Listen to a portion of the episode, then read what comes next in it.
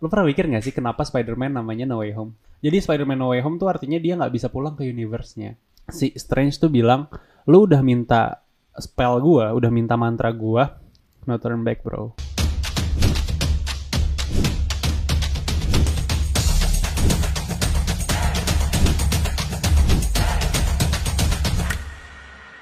Hai guys, welcome back to Cia Podcast, podcast Gudang Cerita. Jadi hari ini karena lagi rame banget bahas Spider-Man, kita mau bahas tentang Spider-Man nih. Pasti dong, kita nggak mau kalah up to date dengan yang lainnya. Yo, Tapi ngomong kayak kacamata baru nih. Sekarang nih gue kalau di studio jadi panggilannya Bapak Haryo. Terus saya ngomongnya formal, jadi saya. Oke langsung lanjut lanjut lanjut. Siapa? Lu dulu deh, lu dulu deh. Aku dulu, masa aku dulu kan kita ngomongin Home dulu kan. Nggak lu. Oh, jadi gue pengen bahas No Way Home. Ah. Nah, dia pengen bahas tentang fun fact Spider-Man aja. Mending lu dulu. Jadi Oke, boleh, abis boleh. ini gue bahas No Way Home. Tunggu. Oke, jadi Restu, kita pertama ngomongin Restu dulu deh. Restu kan suka banget sama Spider-Man ya. Ah. Terus pas kemarin kayak yang ngomong juga, aku juga jadi penasaran. Kayak ke mana sih sebenarnya orang tua Spider-Man ini gitu. Oh iya, kan dia nggak pernah ditunjukin. Nah, ya. jadi penasaran gak sih ke mana sebenarnya orang tua Spider-Man itu? Terus akhirnya kita nyari tahu kan sebenarnya ke mana. Dan aku nemu dua teori tentang ke mana orang tuanya ini. Hmm. Kayaknya di di Spider-Man 1 2 3 itu nggak nggak pernah dijelasin ya. Satu dua tiga tuh enggak deh. Sat- Yang pertama Toby Toby. Toby, iya nggak pernah. Nggak pernah, nggak pernah, nggak pernah. Cuma itu doang sih On May sama gue lupa. Bin Parker. Heeh, jadi emang nggak dijelasin setahu aku di 1 2 3 dan ini dijelasin tuh dari komik dan dari teorinya doang. Dari jadi di eh, teori Marvel Universe orisinilnya Hah. Orang tuanya itu namanya Richard Richard Parker dan istrinya itu Mary Fitzpatrick kan dan ayahnya ini itu tuh adenya Ben Parker Oh, makanya. ayahnya oh, ya Ben nah, dan kem- eh, pertanyaan ke mana orang tuanya ini jadi ayahnya ini veteran perang terus karena karir militernya ini ayahnya tuh ditarik sama CIA CIA Hmm. Nah, terus pas di sana dia tuh ketemu ke- ketemu sama seorang penerjemah istrinya ini namanya Mary Aha. Fitzpatrick. Nah, pas mereka udah nikah, mereka ketemu CIA minta dia tuh ngilangin dirinya gitu. Ngilangin Hilangin data. semua identitasnya. Kalau di Indonesia kayak BIN gitu ya, kayak Badan Intelijen Hmm, Negara ya. Makanya jadi harus ya. Harus nggak boleh ketahuan sama sekali lah. Jadi tertutup semua. Jadi eh, diceritakannya orang tuanya tuh udah meninggal. Padahal mereka tuh masih bekerja di luar sana. Ini teori yang pertama. Iya. Terus teori yang kedua tuh dijelasin di Amazing Spider-Man kedua, yang musuhnya tuh Electro, yang listrik-listrik gitu loh. Hah. Nah, dia dijelasinnya tuh sebenarnya dijelasinnya jelas banget karena di opening. Jadi ayahnya tuh ngelakuin riset gitu. Dan riset ini tuh kayak berhasil gitu works, tapi bisa disalahgunakan. Kalau misalnya digunakan baik ya sangat bagus, kalau enggak ya eh, hancur banget itu. Jadi Yang kadal itu ya. bukan Electro yang kedua, yang kedua. Yang pertama kan kadal, Oh, yang kedua oke, tuh oke. Electron. Ada jelasin tuh di openingnya. Terus karena dia tahu ini sangat berbahaya, jadi dia tuh ngebawa istrinya pergi langsung ninggalin si Parker. Kayak udah Hmm. kita harus pergi dari sini sekarang gitu. Kira dia naik pesawat dan parahnya atau naasnya di pesawat itu ada musuhnya kayak orang suruhannya gitu. Oh. Akhirnya mereka berdua eh, berusaha ngebela diri, terutama si Richard Parker ini, tapi sayap pesawatnya tuh meledak dan pesawat ini jatuh. Dan si Peter nih, meninggal. Peternya nggak ikut. Peternya ditinggal, memang Oh, ditinggal di, di rumahnya.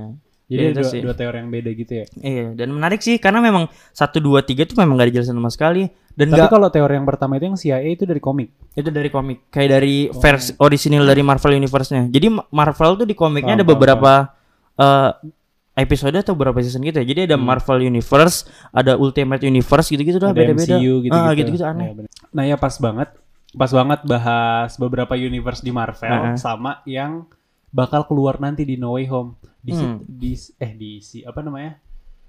Marvel yang selain itu apa lagi? Deadpool Marvel juga kan, Deadpool tapi Marvel beda juga. universe gak sih?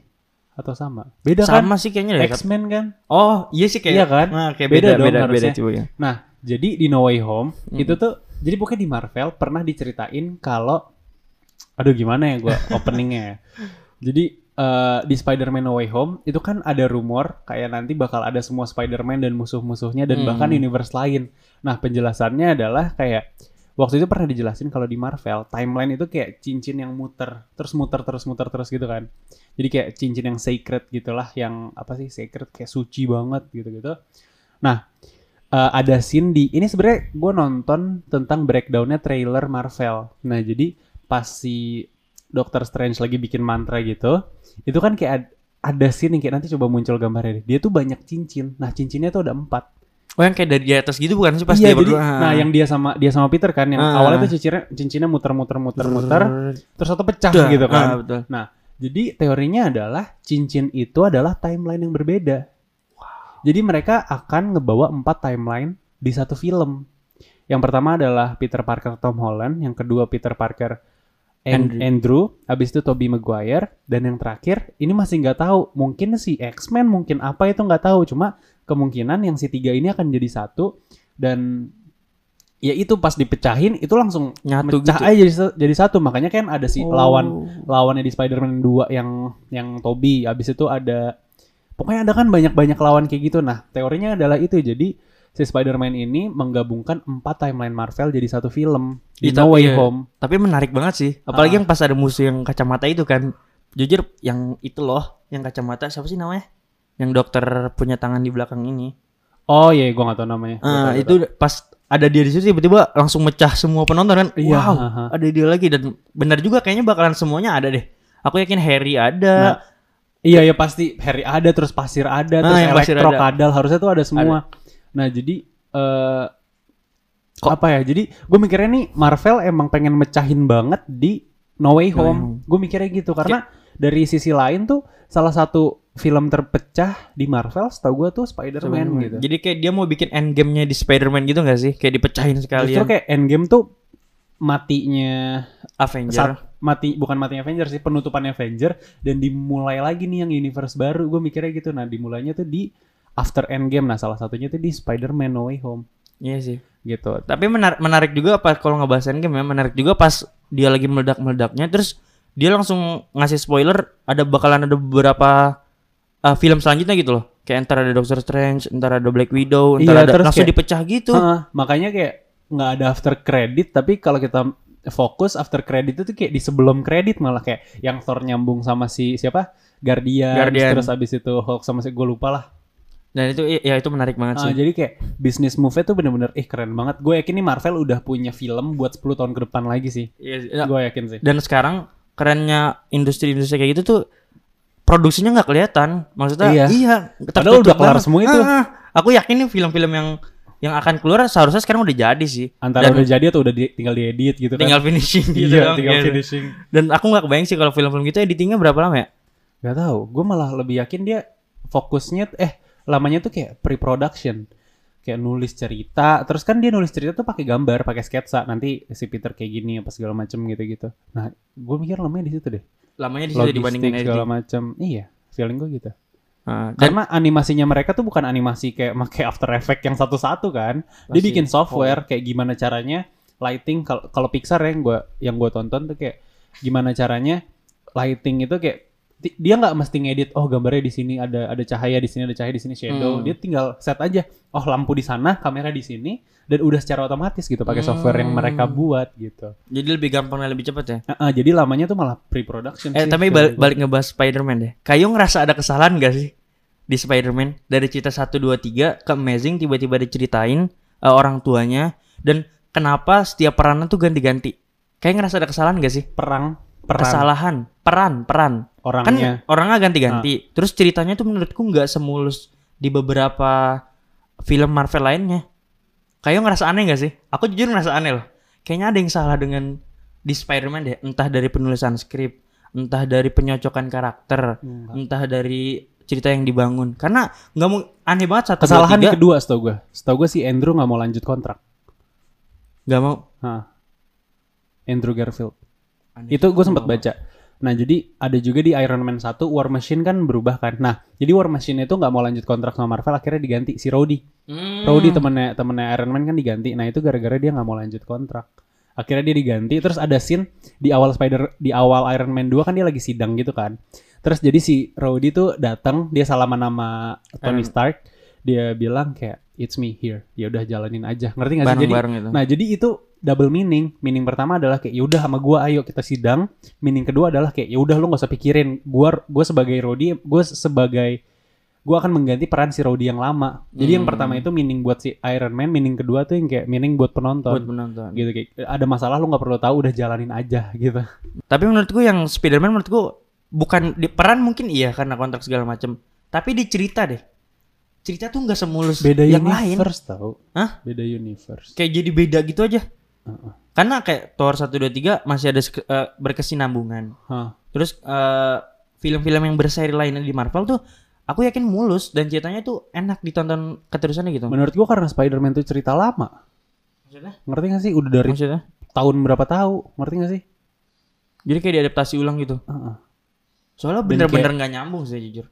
Kayak Em- iya emang patah-patah lawannya Toto, banget. Toto Kadal, Toto apa gitu kan. Paham sih, paham maksudnya sih. jadi nggak nggak ada nggak ada nyambung satu sama lain gitu. Menurut gue bukan dibilang kesalahan bukan, tapi kayak Marvel mungkin sekarang udah beda level aja. Jadi kita ngelihat kayak Marvel harusnya lebih keren. Ngerti gak sih? Oh iya sih. Ya Jadi sih? kita udah expect-nya Ah, tinggi banget. ah, Ah. Gue mikirnya gitu. Iya sih bener bisa jadi. Lo pernah mikir gak sih kenapa Spider-Man namanya No Way Home? Ah, iya. Jadi sebenarnya simple banget, sebenarnya simple banget Ah. Spider-Man No Way Home. Spider-Man No Way Home tuh artinya dia nggak bisa pulang ke dimensinya. Oh kan yang empat dimensi itu, Itu, kan sih? doang. Jadi bu universe lah. Jadi Spider-Man No Way Home tuh artinya dia nggak bisa pulang ke universe-nya. Ke ke gitu. awalnya. Ha, jadi ada ada kayak trailer itu kan ngasih beberapa ap- ya, ya trailer lah ya ngasih sneak peek dikit-dikit gitu. Jadi Hmm. ada scene mungkin lo ngeliat juga kan waktu itu nonton trailer Hmm. bareng. Jadi si Spidey tuh lagi kayak bawa box something, terus dia tuh didorong sama sama Strange, didorong terus dun- jiwa astralnya keluar. Oh, yang dia mental eh, tahu, kan? tahu, tahu, tahu. Tahu kan? Ah. Itu kan kayak si Hulk yang didorong sama The Ancient One gitu kan. Didorong terus jiwa astralnya keluar. Nah, jadi yang bisa disimpulin sebenarnya ini bukan teori dalam sih.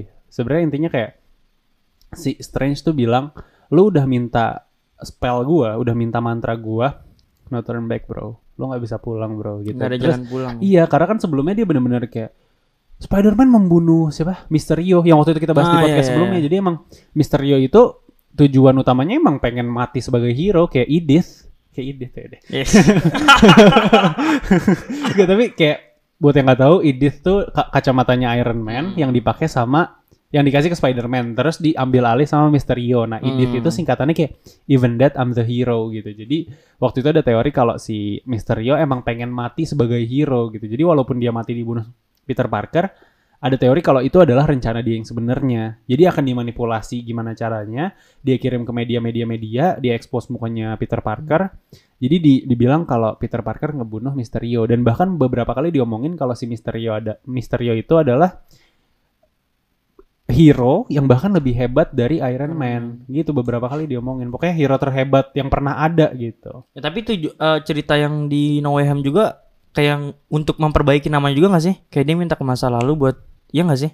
Aku nangkepnya sih nah gitu. gua nggak tahu kalau itu Nah, antara dia pengen keluar universe atau baikin masa lalu atau gimana gua nggak tahu Kayaknya menurutku sih kayak dia mau balikin masa lalu makanya dia ke belakang kan. Terus kayak mau bener-bener memperbaiki namanya gitu. tapi akhirnya timelinenya malah acak-acakan kan nah, iya iya. Nah, itu bakal bakalan pasti bakalan jadi cerita lagi sih aku. Terus juga gua nggak tahu ini di film Loki atau apa sih yang Sacred Ring itu. Jadi ada scene yang kayak di Sacred Ringnya itu ada kayak spike gitu. Ngerti gak sih kayak abis dicongkel. Jadi kayak Rusak dia gitu. dia muter gitu. Terus ada yang keluar. Nah itu empat. Seingat gua. Hmm. Iya kayak ada yang keluar set set set. Itu ada empat gitu. Wow. Jadi mungkin kayak si Begitu. empat universe itu jadi keluar dari timeline yang seharusnya. Ya gua nggak tahu lah ya. Gue itu salah lihat atau kayak gimana. Cuma Nah. yang gua ingat tuh empat gitu. Tapi memang yang pas di eh, Peter pas dipukul terus, terus keluar gitu, itu jadi momen yang epic banget sih. Oh, iya. Banyak banget Baik yang- banget yang inget kan. Ah betul karena ya sekeren itu boy. Terus dan pasti itu bermakna juga. Aku yakin nggak sembarang kayak cuman buat munculin efek doang. Iya, nah Ada inti- maknanya makanya tadi menarik banget. intinya kayak eh, yang gua ambil sih bukan makna dia dikeluarin astralnya tapi lebih lebih ke kayak Peter pengen dapet something gak dikasih sama Strange jadi kayak intinya adalah ya tadi ya Spider-Man tuh nggak bisa pulang ke universe yang Eh, tapi ngomongin Misterio jujur, Misterio adalah penjahat yang paling aku suka. Gak tahu kenapa. Karena keren banget. teknologi Ih keren banget. Aku kaget banget pas kayak ternyata itu cuman manipulasi dia semua tuh yang pas kebongkar itu loh ternyata itu kamera kayak drone-drone terbang dia semua itu. Iya. Tahu gak sih pas terakhirnya pas kebuka dan wih keren banget kayak eh, air air Nggak, gede tapi- itu cuman manipulasi. tapi yang pertama loh. ketahuan tuh mau MJ tahu yang di jembatan Oh iya iya Iya, aku Mary ingat Jane di jembatan. jembatan yang dia lagi confess Terus oh shit oh shit gue Spider lu Spider-Man beneran padahal tadi gue cuma 80% yakin gue ingat banget Iya benar sih. Tapi keren tau. Jadi kayak air yang bangun eh, kena rakyat, kena orang-orang itu cuman itu cuman manipulasi gitu dan Aha. bisa seril itu. Itu keren banget. Makanya pas eh, dia meninggal ada sedihnya tapi ada sayangnya juga kenapa nggak lanjut aja sih masternya gitu. Tapi ngomong-ngomong itu kan AI ya, Hmm. artificial intelligence kayak teknologi gitu. Elon Musk tuh sering ngomong kayak AI itu bahaya loh, ngerti gak sih? AI itu sebahaya itu, makanya gue gue sering mikir kayak pasti there's something yang dia lakuin yang kayak make sure teknologinya dia tuh nggak nggak mengarah ke Aman. bahaya gitu loh. Jadi mungkin yang yang dia bilang bahaya kayak kalau semua orang nyentuh AI, ngerti gak sih? Dia bilang kayak tadi kan ngomongin drones kan, nah dia bilang kayak gampang banget kita untuk bikin killer drones, drones yang mem gitu. Iya sih. Terus ditanya Betul, betul. caranya gimana? Ya lu tinggal pakai drone, tinggal cari sensor orang sama pis atau so- something yang gitu. Orang. segampang itu gitu. Dan ya untuk orang se untuk anak-anak teknik bikin kayak gitu nggak sesusah itulah harusnya. Ngerti nggak sih? Dan gak complicated itu kan. Iya, Bisa dibilang itu cuman tinggal dasar lah. sambung kanan kiri aja. Ya kan kayak ini tools ini tools ini sambung ya gue nggak terlalu paham cuma intinya kayak sebahaya itu terus yang masalah kemarin yang kita nonton si gue lupa namanya yang editor itu Agung, Agung. Hapsah. Iya, terus dia bilang kayak ada AI yang dia mempelajari satu game bukan checker bukan chess gue lupa namanya apa terus dia yang kayak selama 40 hari dia jadi teori-teori baru segala macam ini itu Iya kayak manusia bisa mempelajari dalam jangka Hmm. Jadi waktu seribu tahun dia cuma waktu 4 Nah, hari cuma batu satu 40 hari, itu berapa hari Heeh. gitu kan nah jadi artinya adalah manusia bisa menciptakan sesuatu yang akan lebih Mengalahkan. pintar dari manusianya itu sendiri nah lebih pintarnya emang beda sama manusia ya kayak sekarang nih lebih pintarnya di satu hal satu hal satu hal bayangin kalau kita bisa bikin yang compact robot yang dia akan lebih pintar di semua hal dan some- somehow one day jadi awake gitu jadi awake-nya maksudnya bukan jadi bukan punya roh ya tapi kayak dia udah sepaham itu sama dunia Tapi akan ada nggak robot yang bisa lebih pintar dari manusia? Akan ada. orang udah ada ngerti gak sih di catur udah ada di ini udah ada di itu udah ada jadi kayak robot yang belajar sendiri paham kan Tapi pasti dikendalikan kan. Gak mungkin ada satu robot yang uncontrolled gitu. Ya pasti ada, cuman pasti seharusnya bisa dong. Akan ada nggak robot yang bisa mengalah, membunuh pembunuhnya? membunuh penciptanya Membunuh, iya membunuh penciptanya. Akan ada nggak? Menurutku a- akan ada, cuman kecil kemungkinan karena pasti dikendalikan. tapi kalau error Iya juga sih, kalau error, nah juga sih kan. Ya makanya itu teknologi itu emang sebuah alat, memang serem kayak kayak, Kayak kalau- alat. Kayak waktu itu dia pernah conference sama Jack Ma terus kayak Jack Ma enggak nggak bisa AI itu kita yang ciptakan gini gini gini gini gini terus pokoknya dia sampai di repost kayak when Elon Musk realize uh, orang terkaya di Cina is an idiot gitu Wah parah banget bener-bener Soalnya gue pas pernah nonton ini kayak serius nih Jack Ma ngomong kayak gini Terus gak lama di repost gitu kan Di repost terus dibilang, dibilang kayak Jack Ma tuh idiot Ya mungkin pem- pemahamannya beda sih. Kalau Elon tuh Iya. lebih lebih Menurut gue Jack Ma tuh businessman Nah. Elon tuh uh, betul betul itu betul. Siapa namanya? Tech, tech Tech, tech. Apa sih? Engineer ah Tapi enggak. Emang dia mengerti itu ya? Dia Il- mengerti Elon- atau dia membayar orang untuk membuat ide dia? Elon engineer Elon engineer. dia Tapi untuk paham. di level ini Dia pas Tesla waktu itu mau bangkrut Dia yang ini Dia yang apa namanya Yang Yang jadi chief Chief engineer kalau nggak salah Kepala engineer Eh tapi Tesla tuh bukan punya dia kan? Aku pernah baca artikel tau. Enggak awalnya tuh Foundernya bukan dia Iya, foundernya bukan dia. Jadi kayak enggak naturally punya dia, tapi kayak dia udah ada ide baru, cuman dia push lagi lebih kenceng. Ya tapi Ya that- that's business sih. Jadi kayak Iya bisa dibilang ya ya lu lu bawa sampai level 2%, Elon sampai 70%, 70%. ya tetap. Iya namanya. Paham kan maksudnya? Iya sih. Bukan berarti kalau lu mencetus mencetuskan satu ide lu hebat. Ngerti gak sih? Paham kan enggak justru menurutku yang mencetuskan itu yang hebat. menurutku. Enggak, menurut gue yang eksekusi yang hebat. Menurut gue Tapi kan yang orang ini udah eksekusi, cuman nggak sebesar ketika udah di-push. Ya enggak sih? Iya kan? Itu tuh udah ber- Exactly. Tesla tuh udah berjalan. Tapi karena Elon lihat, "Wih, bagus nih." impactnya gedean has- hasil impactnya gedean siapa? Elon, tapi menurutku briliannya di idenya. Briliannya di ide awalnya. Ehm, menurut gue sih mereka sama-sama gue respect dua-duanya cuma kalau disuruh ngebandingin gue lebih respect si Elonnya karena maksudnya pasti dia punya ide nggak sepanjang idenya Elon sekarang ngerti nggak sih maksud gue kayak sekarang nih kita kita bikin podcast sih gini gini gini gini. Toto nanti gedenya kita nggak tahu kita pengen bikin apa lagi. Nah Hmm. kalau misalnya gue off nih kayak yaudah lepas. Gue kasih ke siapa gitu. Terus dia Toto bikin something gede banget. Hmm. ya dia credits to him bukan ke gue tapi gue udah punya nih plan 6 bulan ke depan kayak gimana plan setahun ke depan kayak gimana. Toto 10 tahun ke depan dia jadi jauh lebih besar gue kayak yaudah credits to you bro. Paham kan maksud gue Iya sih. Tapi di sisi lain menurutku ide pertamanya harus tetap dihargai sangat iya dihargai. hargai tetap cuma maksudnya kalau dibilang Elon ngerti gak sih soalnya ada Elon. ada rumor-rumor yang kayak ya Elon lu bukan gini gini gini lu aja ngambil perasaan orang atau itu gue nggak setuju banget karena Iya ya, dia work hard Ya karena bener aku bener kata Kayo tadi, kita aku, eh, Kayo menghargai dua-duanya, aku juga menghargai dua-duanya. Tapi ya dua-duanya sama-sama bagus Iya, lah. Kalau nggak ada Elon Musk sekarang, kalau nggak ada yang pertama nggak ada ide Nggak- ini gitu ada- juga. iya betul betul Tapi ngebahas tes, mau ngebahas Tesla bot nggak? Jujur aku belum baca sa- sama sekali artikel tahu apa pun gue tentang tahu tentang Tesla Tesla bot sama sekali. Ya, tahu cuman maksudnya gue nggak mendalami ah, aku penasaran banget padahal kayak tentang kenapa dibuat, tujuannya apa dan segala macam. Tapi fun fact tentang nama Tesla, jadi Tesla itu kan dari Nikola Tesla kan, Eh, yang Membuat mobilnya.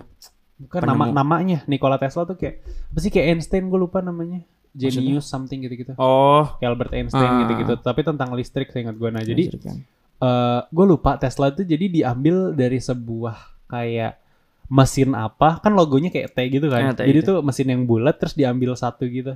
Ambil satu bagian. Nah, terus ada satu ada satu fun fact tentang nama Tesla. Jadi waktu itu ada yang ada yang jadi kan kalau nama tuh bisa dimilikin secara hukum kan.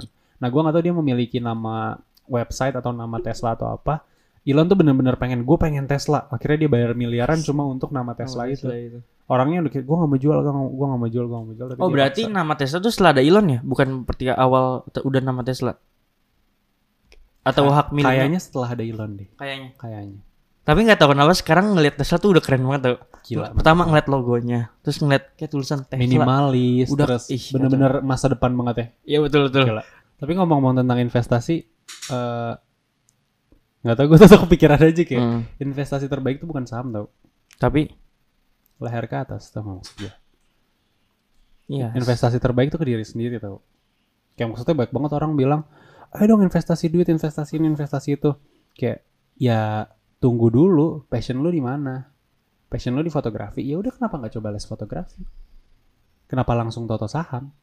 Kenapa langsung toto beli lahan, beli tanah gitu kayak passion lu di mana? Lu mau besar di mana gitu? Lu mau besar di IT, ya udah silahkan beli laptop. Jangan toto lu beli, ah gue pengen BBCA 5 lot, 5 lot gitu. Gue pengen beli saham sekian lot. Pengen saham ini, saham ini. Dulu kayak waktu itu antam panas, antam naik, antam naik. Langsung beli semua, beli semua, beli Iya semua gitu. Kripto naik, kripto naik, kripto naik. Bener. Melajarin saham lama loh. Kenapa nggak pelajarin untuk ke diri lo sendiri dulu? Iya sih benar juga. Benar, investasi terbaik itu benar. Gue setuju banget kata-kata itu. Karena kalau nggak dari kitanya dulu, ya susah juga kita mau ke mana-mana. Kayak ada salah satu pengusaha besar, gue beberapa kali DM sama dia. Gue sebut aja kali ya Hari Kowang. Jadi dia waktu itu sempat sharing, eh dia bilang kalau nggak salah dia tuh nggak investasi di kripto sama sekali. Wow. Padahal orang-orang lain tuh udah invest, gue invest juga, dan gue dicuan alhamdulillah. Terus eh, tapi sempat drop terus. Tapi intinya sekarang udah gue tarik lagi. Pas makin lama gue makin pelajarin kayak ya itu investasi terbaik adalah leher ke atas gitu. Nah dia bilang semua uang, uang gue yang ada ya gue masukin ke bisnis gue gitu. Karena dia sepercaya itu sama bisnisnya dia. Iya benar sih. Paham kan maksudnya? Tapi udah cukup kita bahas investasi. Kayak aku mau ngebahas ini deh. Kita langsung ngebahas yang fun-fun deh. Apa yang masa kecil masa kecil dah. Kartun dong, apalagi. Jadi eh, aku nemuin eh, hal yang tersembunyi di kartun Toy Story.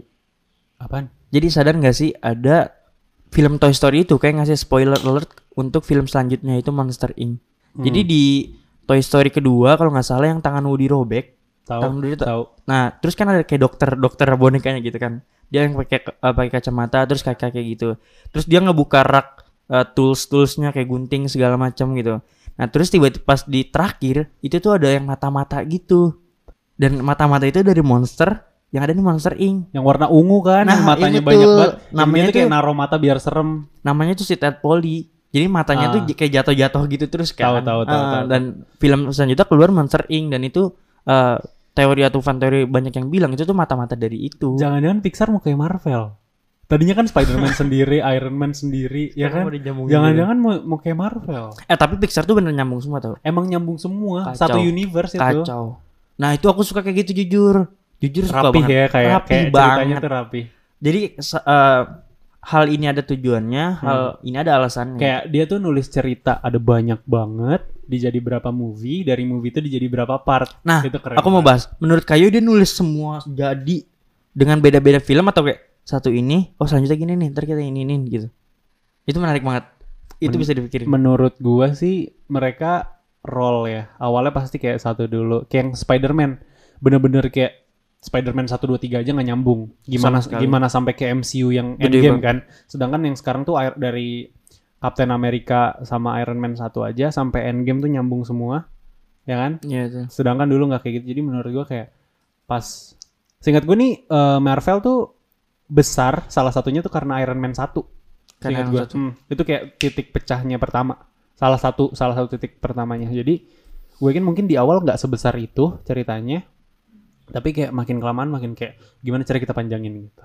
Menurut gue kayak gitu sih. Iya sih. Tapi Kayo tahu pertama kali Marvel di film apa? Gua taunya, Ah, ah. tahu pertama kali pertama kali banget Marvel di film apa? gua jujur gua nggak nonton Marvel. Tapi kayaknya Demi Avenger. Iya, tadinya gua nggak nonton. Jujur gua nonton Marvel waktu itu gara-gara gua ada trouble. Terus gue kayak bener-bener lepas semuanya tuh sebulan. Gue nonton Marvel. Makanya gue semua detail tahu gara-gara itu. Gue sebulan nontonin Marvel dong kerjaannya. Dan kayak apa lagi gabut gitu atau lagi stres gitu. Lagi stres. Nah, ngomongin stres kan orang beda-beda ya stres rilisnya. Hah. Dan Kayo biasanya cara apa? Sholat. Eh, dia salim banget gue. stress release gue tuh jujur stress stress release gue adalah menyelesaikan masalah. Wow, menarik banget. Biasanya orang kalau stres justru nggak mau lepas dengan semua halnya kan? Kayak Karena tanpa nyelesain masalah stresnya nggak beneran hilang, paham kan maksud gue? Kalau istirahat bentar iya. Tapi nggak kelar gitu kayak kayak minggu kemarin aja nih mereka nggak tahu sih. Minggu kemarin aja gue bener-bener kacau banget gara-gara stres masalahnya tuh nggak kelar-kelar. Dan pas akhirnya gue kelarin, gue putusin itu masalah kayak baru beneran. Iya bener-bener kayak oke. Besoknya tuh gue bener-bener kemarin nih gue duduk di sini gue bener-bener kayak gimana cara ini plan sebulan ke depan, seminggu ke depan kayak gimana, enam bulan ke depan kayak gimana. Gue rapihin lagi gitu, langsung kelar gitu. Ya, karena biasanya orang stres rilis tuh kan Pengen dia mau lepas. lepas semuanya. Tar dulu, tar dulu. Nah, Gue santai dulu deh. Ah. Nanti gue datang lagi biasanya gitu kan. Makanya menarik aja kalau misalnya stres rilis kayak adalah menyelesaikan masalahnya langsung kan. beda tanggung jawabnya sih mungkin ya. Bukan bukan gue ngerasa so hebat ya, tapi Hmm. maksudnya sebagai owner of something yang ada banyak orang yang depending on you, lu tuh nggak bisa asal pas, ngerti Betul sih. Apalagi clock is ticking, ngerti kan? Kayak Waktu waktu terus tuh berjalan. selalu berjalan dan kayak kalau lu udah punya bisnis tuh duit selalu ngalir. Maksudnya ngalir tuh selalu keluar. Kayak kata lu kalau motor lu tuh kencing, ya sama bisnis juga kayak gitu. Kayak gitu dan gimana caranya lu tutup lubang itu nggak mungkin, nggak mungkin lu tutup. Gimana cara supply-nya lu tambahin Lebih banyak terus ya. gitu dan kalau misal kayak ya udah ntar dulu itu supply makin habis terus motor makin gak bisa jalan gitu Tapi ngomongin waktu terus berjalan, eh, aku juga sadar betapa pentingnya waktu. Dan menurut kayak sepenting apa waktu buat kita? nomor satu Kenapa? nomor satu Dibanding kesehatan atau dibanding hal lain? waktu nomor satu sumpah Kenapa? waktunya in terms of apa nih Everything kayak waktu kita untuk time eh, management iya time management untuk kerja. Sepenting apa deh waktu? gue bingung kalau bandingin waktu sama kesehatan ya tapi kalau bandingin waktu sama duit gue bener-bener kayak waktu Ya jelas lah dengan waktu yang masih eh, ada atau Hmm. ke depannya kita bisa nyari uang tuh ya. Uang mah ya waktu lebih penting memang. Makanya seberapa penting waktu menurut kayo? Apa yang menyebabkan waktu itu penting? Waktu tuh menurut gue satu-satunya hal yang nggak bisa diulang. Apalagi coba. Duit kayak ya gue kehilangan 5 juta. Gimana cari balik double? Kayak gitu kayak kata Emil. Gimana cari balik double? Tapi waktu anjrit gue kehilangan sehari. Masih ada besok. Ya tapi yang kemarin hilang. Yes. Ya benar sih waktu se segila dan setajam itu ber- ada aku lupa Time salah satu tokoh Islam. Bukan oh. salah satu tokoh eh, agama Ali bin Abi Thalib atau Abu Bakar ya. yang bilang waktu adalah gitu. pedang.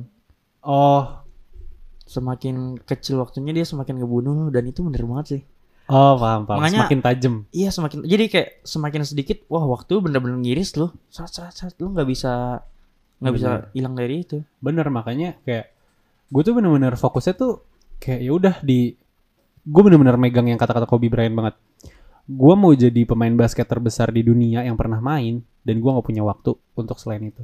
Nah gue gue terapin gue terapin prinsip itu sekarang. Jadi kayak gue punya me time nggak? Jujur enggak jujur enggak gue punya self reward nggak. Enggak kayak kemarin gue ngobrol nih kayak kalau misalnya gue dapat sekian angka sekian uang gitu ya gue akan naruh sini naruh sini naruh sini terus gue kayak self reward apa ya? Nggak nggak usah nggak penting. Iya serius. Kayak gue paham itu wajib sebenarnya untuk mental ini tapi kayak di sisi lain ada yang lebih penting ngerti kan? Betul sih. kayak misalnya aduh kayak gue beli sepatu tuh bagus deh. Jadi gue ngerasa fulfilled ngerasa kayak gue menikmati hasilnya gitu. Tapi di sisi lain kayak gue mending bagi-bagi warteg deh. Lebih butuh orangnya. Gue beli sepatu sekarang nanti orang beneran gak bisa makan. Ya kan? Paham kan maksud gue Tapi anehnya gimana cara Kayo bisa nahan gitu loh? Di padahal usia Kayo adalah usia yang meledak-meledak untuk diri sendiri gitu loh. Apa yang menyebabkan pas gue bener-bener pas gue bener-bener dihadepin sama orang yang gak bisa makan. Yang kayak kemarin gue ceritain pas lu dihadepin sama orang yang dia tuh untuk makan aja susah men lu mau beli HP aja lu kayak aduh. Kayaknya ngerti gak sih? gitu. kayak lu mau beli sendal baru aja kayak aduh butuh gak sih? Lu tuh paham kalau sebenarnya kebutuhan primer kita tuh belum tercukupi kalau kita hidup untuk membantu orang lain karena nggak akan ada cukupnya. Hmm, setelah betul. gue bisa kasih makan mereka gimana cara gue bikin mereka kesehatannya terjaga? Setelah itu gimana cara gue bisa provide mereka pendidikan? Setelah itu gimana cara gue bisa provide mereka hal profesional? Karena gue nggak mau ngasih terus. Jadi tukang minta-minta gitu. Gue sih. gimana caranya lu bisa produksiin kayak lu bisa fulfill diri lu gue bantu caranya gitu. Dan itu nggak akan pernah cukup. Lu bayangin ada berapa puluhan ratusan juta orang yang butuh itu di dunia. Tapi gimana caranya Kayo bisa Rich self reward? Apa bentuk apa selain beli barang untuk diri sendiri? Nadiem Makarim pernah bilang, pas gue lagi struggle di Gojek, obat gue adalah gue nongkrong sama driver-driver Gojek dan gue denger mereka cerita gimana hidupnya, gimana itu. Dan pas gue denger kalau mereka terbantu dengan adanya Gojek, gue udah tenang. Hmm. Eh, William Tano juga pernah bilang, pas Tokopedia lagi jebol, salah satu gaji kita adalah ngelihat pe- pedagang-pedagang kecil yang berhasil jualan di sini gitu. Nah, self reward gue nanti adalah ketika gue melihat mereka bisa makan. Simpel itu.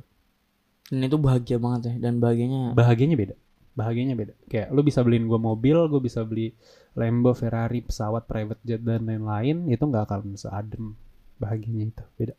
Dan makanya itu eh, kalau ngebahas waktu lagi sebenarnya ya aku pengen tuh anak muda dan orang-orang sadar pentingnya waktu gitu loh. Karena Hmm. ketika orang udah sadar bet- betapa pentingnya waktu, mereka ngegunain itu sebaik mungkin. Iya. Kita harus bisa bedain antara menikmati masa muda sama menghancurkan masa depan. Kayak lu boleh nikmatin masa muda tapi ada levelnya, ada batasnya. Banyak banget yang menikmati masa muda tuh nikmati aja terus. Mabuk ini itu segala macem. Hmm. nggak ada habisnya gitu. Tapi kayak alhamdulillahnya gue kayak ditahan sama Tuhan dikasih masalah banget kayak oke gue harus lepas. Gue harus balik ke track gue yang sebenarnya dan gue kejar yang harus gue kejar gitu. Hmm. Tapi banyak banget orang yang kayak udah dikasih cobaan kayak ah gue malah kayak pas dikasih masalah malah makin mabuk, malah makin ini, malah Betul, makin betul. malah makin nakal gitu. Dan mereka nggak nggak karena kan masa depan tuh harus dikejar men. Nggak Iya ada yang namanya takdir dateng. Bahaya. Takdir ada tapi harus dikejar. Kayak prinsip-prinsip itu bukan rezeki lo, rezeki nanti bakal datang. Enggak, rezeki dikejar. Tapi itu nggak bakal kambil sama orang kalau lo kejar. Paham kan maksud gue? Hmm. Ya makanya itu karena aku pengen eh anak muda waktu tuh Iya. penting banget, woi. Sumpah penting banget. Karena ketika lu udah sadar itu, hal yang lu lakuin bakal lu potong semua. Bener. Aku pas aku tuh sadar, aku lupa ya kapan persisnya. Oh, aku pernah eh, seingat itu aku nonton YouTube gitu, kayak motivasi-motivasi gitu ya. Hmm. Terus kayak ngebahas tentang waktu. Kata-kata yang bikin tajam tuh waktu itu nggak bisa diulang. Bener. Kalau satu detik aku ngomong tadi aja ini bener-bener nggak bisa Iya. gitu. Pas udah sadar itu, wah iya, gue nggak boleh nggak nyanyiin waktu sama sekali. Iya, masih ada besok. Tapi kemarin udah nggak ada. Iya itu, wah kacau sih. Ma- makanya menurut gue ketika udah sadar waktu itu penting, seharusnya dia bakal gunain waktu yang tersisa sebaik mungkin. Iya makanya menurutku orang yang menghabiskan waktu dengan tidak ngapa-ngapain, tidak ngapa-ngapain. Menurutku karena Sayang ketidak, ya. iya ketidaktahuan mereka juga nggak sih? Ya kita nggak nyalahin juga. Ah, Tapi ah. kayak maksudnya kalau lu nonton ini ya intinya lu harus sadar aja kayak dude gerak gitu Hah? loh. Iya, dude gerak gerak Iya gitu. makanya itu kayak mereka pasti nggak tahu kalau waktu mereka itu terbatas. Kita tuh ber- berpikir selalu gini loh. Misalnya, eh, let's say aku nggak nggak ngelakuin itu hari ini misalnya. Hah. Ah gue besok Masih aja bisa masih ada besok, besok. Nah masih kita tuh berpikir itu yang jelek tuh. Padahal kalau bisa lu sekarang kenapa besok? Belum tentu waktu lu punya besok kan. Bener. Kata nyokap kayak, "Dek, lu kalau ada kerjaan jangan dibesokin. Besok pasti ada kerjaan lain." Gitu itu itu sisi gampangnya, tapi iya di sih, benar, di di makronya tuh kayak eh jangan mikir kalau ah gue masih muda, nyantai dulu. Ah gue Iya masih umur segini nyantai Yes, dulu itu- kayak itu- itu ya enggak, ya lu mau capek pas tua. Enggak kan? nggak mau kan kayak kita capek capek sampai tua nggak apa-apa tapi jangan sampai kita capek karena harus capek ngerti gak sih? Harus masih nyari duit harus masih jual ini itu kerja ini itu. Tapi capek karena pilihan ngerti gak sih? Nah iya makanya menurutku mereka tuh karena nggak ke- ketidaktahuan itu ketidaktahuan itu juga kan. Dan kalau kita ngerasa bahwa besok masih ada waktu itu prinsip yang salah banget. iya. Tapi manusiawi banget gak sih? Kadang-kadang kita malas eh besok aja besok aja. Pasti pernah gak sih kayak ngerasain iya gitu? manusiawi. Malas manusiawi nggak? Ya manusiawi. sombong manusiawi nggak Enggak dong itu. manusiawi juga Sombong gak manusiawi dong. manusiawi semua kan tapi harus kita tahan sih? nafsu Doing- manusiawi bukan nafsu manusiawi bukan Nafsu manusiawi. Oke deh, sombong nggak. Tapi nafsu manusiawi, malas manusiawi, sama pro- Manusiawi. menunda-nunda manusiawi. Tapi lu memanusiakan terus, Atau? memanus- memanusiawikan terus, jadinya kayak gimana? Nggak jadi manusia yang terbaik dong. Pilihan sih itu semua bukan man- manusiawi lebih benar sih, Iya benar. Semuanya pilihan. Pilihan sih. Maksudnya kayak kalau lu nyaman hidup hidup malas-malasan ya nggak apa-apa ya. Ya pilihan lu. Ya. Tapi nggak jangan nggak apa-apa lah. Jangan ya. Sebenarnya saya- sebenarnya jangan sih. Jangan Apalagi ya. kalau kalian subs kita jangan jangan kita pengen kalian sukses juga. Sumpah gua ngikutin namanya Gary V. Gue tuh Gary V sama Logan gua ngikutin dari gue bener-bener kayak gua nggak tahu hidup gue tujuannya ke mana, gua nggak tahu mulainya ke- dari mana gitu-gitu sampai kayak ya alhamdulillah gue udah tahu tujuan gua udah udah udah sambil ngejalanin kayak dan sekar- sekarang gue udah nggak nonton dia. Karena kita jalan karena kita udah sibuk menjalani dan dia pernah bilang gue tuh pengen subscriber gua follower gua udah nggak nonton gua lagi. Karena dia sibuk dengan yang dijalanin aja gitu. Nah terus kemarin gue tuh ngobrol dan gue dikasih tahu kayak kita tuh nggak boleh ngerendahin siapa pun karena semua orang tuh punya waktunya masing-masing. Dan gua nggak setuju. Punya waktunya masing-masing maksudnya. kayak misalnya misalnya nih ada yang udah ngerasa sukses wih umur gue 19 tahun gue udah punya ini umur gue 20 tahun gue udah punya ini.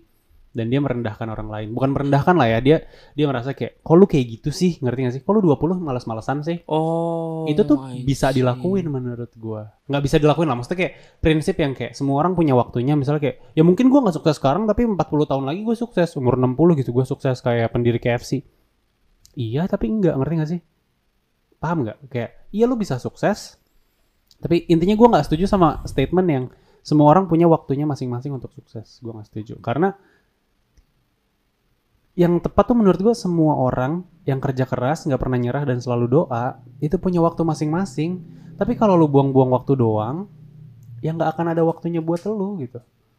Ngerti Iya. nggak sih? Ada yang kata-kata eh, pencapaian pencapaianmu di usiamu tidak harus menjadi pencapaianku di usiaku. Tahu gak sih? iya bener itu gue setuju tapi di sisi lain kayak kalau lu malas-malesan sukses nggak akan datang ke lu Ya udah. ngerti kan jadi gua nggak mau kayak bukan berarti kalau misalnya ada yang lebih sukses dari lu lu harus sukses mereka gue paham tapi bukan berarti juga lu bakal sesukses mereka kalau lu malas-malesan gitu karena Iya. mereka pasti kerja keras Di sisi lain kata-kata gitu memang memotivasi dan menenangkan kita ya. nah tapi di sisi lain tuh kadang menjatuhkan kita iya juga tahu kayak iya bener. Dengan dengar kata-kata iya oh iya gue nggak harus sukses di usaha gini. Tapi itu nggak buat lu jadi oh ya nggak apa-apa jadi nggak apa-apa gitu. menggapapakan iya kemalasan padahal tuh itu salah eh banget. jangan woi. Lu harus dia aja segitu udah bisa mas. Hmm. gini lu nggak ngapain kan? tapi gue bisa terima kalau misalnya kayak dude gue tuh ada mental issue gue tuh ada ini gue tuh ada masalah keluarga ada masalah finance gue harus gini gini gini. Itu gue paham.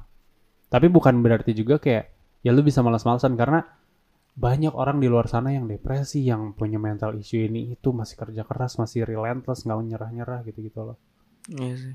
karena kemarin jujur gue lagi bahas tentang anak privilege gitu. Gue bilang kayak, coba lu kasih, kemarin gue jujur gue ngomong kayak gini. Coba lu kasih 50 juta ke gue sama 50 juta ke orang ini. Lihat hasilnya, gue bilang gitu. Mungkin dia bisa bikin pabrik tas, eh dia bisa jadiin itu jadi tas mahal. Gue bikin pabrik tas mahal. Mungkin kayak gitu gue bilang Iya sih. gitu. Jadi kayak, itu juga gue sadar deh. Apa gue sadar kalau money itu emang powernya gede banget. Duit itu powernya gede banget. Dan kita harus bisa kontrol itu. Ngerti nggak?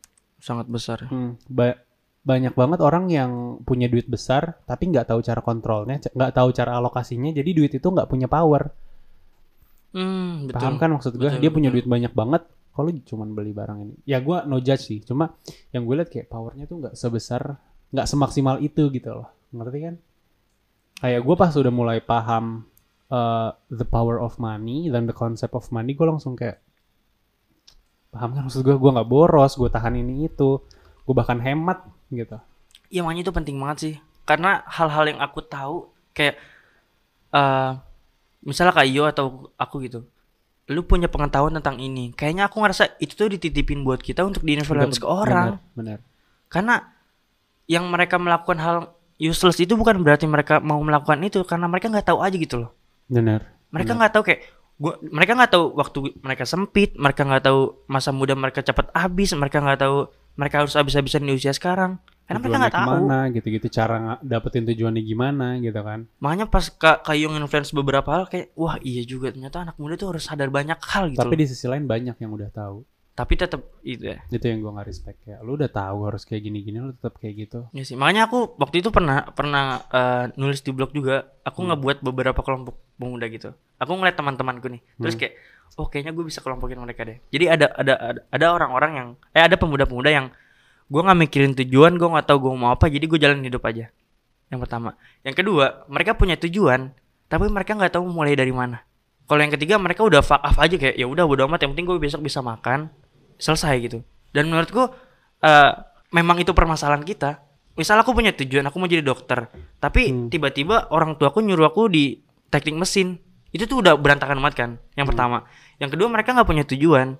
Tapi mereka ngejalanin eh gue senang ini. Ya udah mereka jalanin doang tanpa punya tujuan.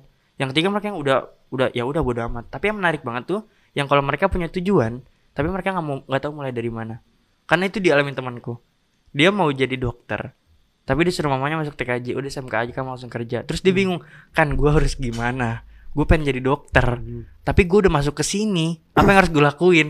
Terus aku dalam hati, wah gue kalau jadi dia gue bingung banget sih jujur. Itu masuk ke prinsip gue yang baru gue dapetin akhir-akhir ini. Wih apa tuh?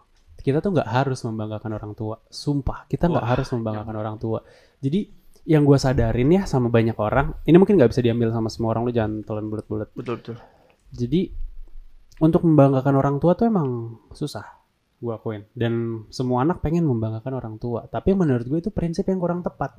Kenapa kita harus fokus membanggakan orang tua di saat banyak hal yang sebenarnya lo pengen lakuin gitu. Hmm. Jadi kayak misalnya orang tua balik lagi ke yang sering gue omongin orang tua mau yang terbaik tapi nggak tahu yang terbaik apa nggak selalu tahu yang terbaik apa. Mereka emang lebih paham dalam banyak hal tapi apakah mereka paham dengan dunia yang sekarang? Belum tentu.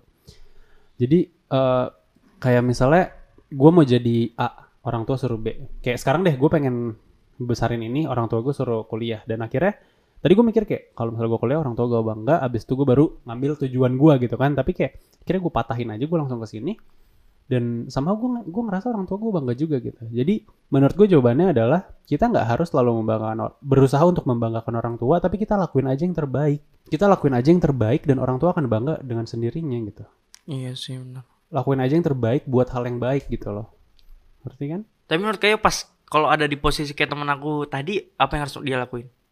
udah salah langkah Udah salah. Nah, itu yang jadi permasalahan tuh. Mereka udah kecebur duluan.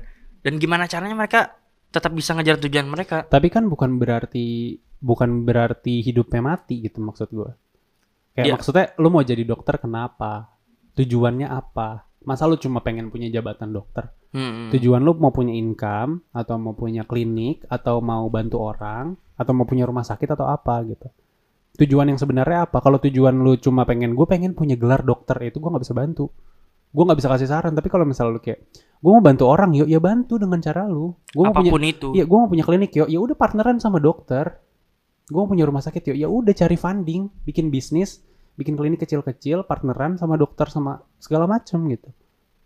Iya, tapi, tapi menurut gua eh, kerennya kayak adalah berani ngambil keputusan itu kan. Karena di case teman-temanku, mereka tuh kayak Susah. susah. Mereka nggak seberani itu. Karena ketika mereka ibarat kata ngelawan apa yang disuruh orang tua, kayak bisa dibilang orang tuanya Kayak jadi durhaka. Eh, eh, jadi kayak entah durhaka terus kayak nggak dibiayain atau Ah. mama nggak mau biayain kalau kamu sekolah di sini misalnya gitu. Kamu harus di sini segala macam gitu.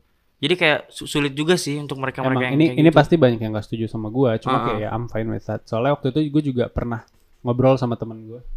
Gue pernah ngobrol sama temen gue di gue nanya kayak kenapa sih harus kuliah gitu gitu ya biar sukses pokoknya gue lupa kan jawabnya apa terus gue tanya terus kenapa pengen ini kenapa dia bilang ya ya banggain orang tua. Kenapa banggain orang tua? Ya karena orang tua. Terus gue ya kenapa? Ya karena orang tua yuk terus gue kayak kenapa? Gitu loh. Ngerti kan maksud gue kayak emang orang tua lu nggak bangga kalau lu bahagia? Pasti ba- bangga gak sih? Ngerti gak sih maksud gue Yes. kayak waktu itu gue pernah ngomong kayak lu nggak apa-apa tentang orang tua lu sekarang gitu. Terus dibilang kayak lu nggak tahu orang tua gue kayak apa. Orang tua gue nggak kayak orang tua lu. Terus gue bilang kayak lu nggak tahu orang tua gue kayak apa lu nggak tahu seberapa keras mereka sama Hmm. pendidikan. Lu nggak tahu bakat yang gue punya di pendidikan kayak gimana. Lu cobain dulu lu jalanin gue jamin orang tua lu bakal sayang sama lu gimana apa pun alasannya. Karena kayak kadang kita tuh meremehkan kasih sayang orang tua loh. Maksudnya kayak orang tua pengen lu jadi dokter pengen biar bisa yang kayak waktu itu diomongin di arisan dan lain-lain kayak kalau misalnya lu patahin itu semua orang tua lu bakal sadar kayak oh iya ini anak gua dan ya kayak maksudnya gini loh orang tua tuh sayangnya sebesar itu sama lu sama anaknya tuh sesayang itu jadi kalau misalnya lu nggak sependapat dalam satu hal dan lu patahin dan dia sakit hati kalau emang lu serius di situ dia akan bangga pada saatnya Bener sih. Karena menurutku eh, kebanyakan orang tua mereka tuh masih terbawa prinsip zaman dulunya. Kayak Hmm. entah kehidupan kebiasaan zaman dulunya, entah eh, kepercayaan zaman dulunya. Jadi kayak kalau lu ngelewatin di situ ya salah gitu. Padahal eh, sekarang udah nggak kayak gitu. Hmm, tapi ya gue privilege juga sih orang tua gue bisa gue bisa diajak diskusi gitu-gitu. Nah, tapi jangan jadiin itu alasan, jangan jadiin itu alasan karena mereka juga keras kayak lu nggak boleh pulang, lu harus kuliah, lu kayak gini gini gini gini. Iya, makanya itu kesia kesian banget sih untuk teman-teman yang atau kalian-kalian yang harus ngejalanin di hal yang kalian gak suka gitu. Itu berat banget loh. Bokap gue dosen, dia pernah nanya, kenapa kalian masuk kuliah? Kayak mayoritas perta- per- jawabannya itu salah satu adalah ngikut temen, yang kedua disuruh orang tua. Dan kayak that's why ya ya udah gitu mereka benar-benar butuh ijazah doang, mereka nggak butuh ilmu. Nah, itu tuh. Kalau lo butuh ijazah kenapa? Kayak ya gue mikir aja gitu kayak gitu deh, gue nggak mau baik ngomong gue Mereka ngejalaninnya karena formalitas aja kah? Kayak betul. yang penting makanya dapet gelar. waktu itu gue nulis di story gue kayak ternyata kadang kunci kesuksesan tuh cuma buang formalitas ya. Wah itu bener sih. Setuju. Iya, kadang dengan buang formalitas tuh kita bisa sukses lah. Apa? Maksudnya dengan hal-hal kecil kayak, yuk kita meeting jam 7 sampai jam 8. Formal amat. Apa yang mau dibahas sih? Hmm. Kenapa nggak di WA aja? Kenapa nggak telepon aja? Gitu. Iya sih, Itu bener sih kata-katanya. Ya kan kayak kalau meeting kelar 10 menit ya udah nggak usah formalitas 50 menitnya buang gitu. Ini mungkin kedengarannya enteng tapi buat orang-orang di dunia berat kerja, banget. untuk orang-orang di dunia kerja kayak, ayo kita meeting dari sini sampai segini, konsumsi disiapin, terus segala macam disiapin. Tapi hasilnya apa? Diulang lagi, diulang lagi, diulang lagi gitu. Kayak misalnya, ah gue pengen, aduh ini gue ditentang batas. Gue pengen kuliah. Tujuannya apa? Ya karena kuliah. Jurusannya apa? Nggak tahu yang penting kuliah. Yang biar apa? Ada ijazah. Iya sih. Passion lu di mana? Di situ bukan? Bukan. Kadang sesimpel itu loh, sesimpel motong formalitas karena kayak hidup hidup kita tuh di dikelilingi formalitas tau.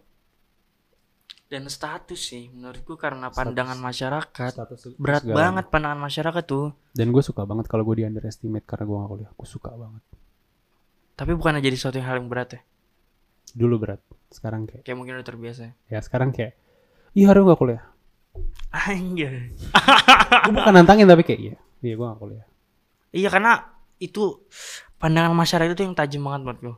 Kenapa orang tua sampai sekeras itu dan eh, se-effort itu ke anaknya? Karena pandangan itu sangat tajam kayo. Dan kalau itu diterapin masa lalu gue setuju banget men. Gue setuju banget. Di zaman orang tua mereka harus kuliah gue setuju banget. Karena Karena di zaman dulu, dulu di zaman di zaman dulu kayak gitu, men.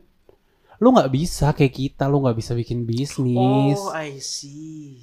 lu nggak bisa kayak gini. Betul. sih, Jadi pak understandable banget, bisa dipahamin banget mindset kayak gitu. betul. Tapi memang aduh sebahaya itu ya omongan orang dan setajam itu kata-kata orang. Makanya kan mulutmu adalah harimau, lidah adalah pedang. Ya lidah tuh nggak bertulang loh. Hmm. Dan kerennya lagi, lidah tuh dijaga sampai Iya sampai mati. sam enggak lidah tuh. apa? eh, kita diciptain itu memang udah se dikasih tahu itu misalnya lidah lu nih bahaya banget makanya dia tuh ditutup sama dua pagar gigi lu sama bibir lu Pa- pa- pa- sampai double pagar gitu karena itu sebahaya itu dia tuh karena wah kacau kayak kalau ngomongin sakit hati orang kalau udah sakit hati sampai mati dibawa lu mau maafin lu udah Kayak ikhlas iya. ke bawah sampai mati Iya, sumpah gue gue tuh mikir tuh kan kan banyak yang jelek-jelekin gue ya. Gue kayak I forgive you but I don't forget you. Hmm. Gue maafin tapi gue nggak akan lupa. Bukan gue nggak mau ngelupain ya tapi kayak ya emang ada aja. Pasti kayak membekas Iya. kan Jadi kayak gue nggak lupain hal yang lo lakuin, tapi gue udah lupa sama lu. Ngerti gak sih maksud gue? Jadi bekas yang lu tinggal di sini tuh jelek dan gua aja udah nggak ingat sama lu gitu. Iya.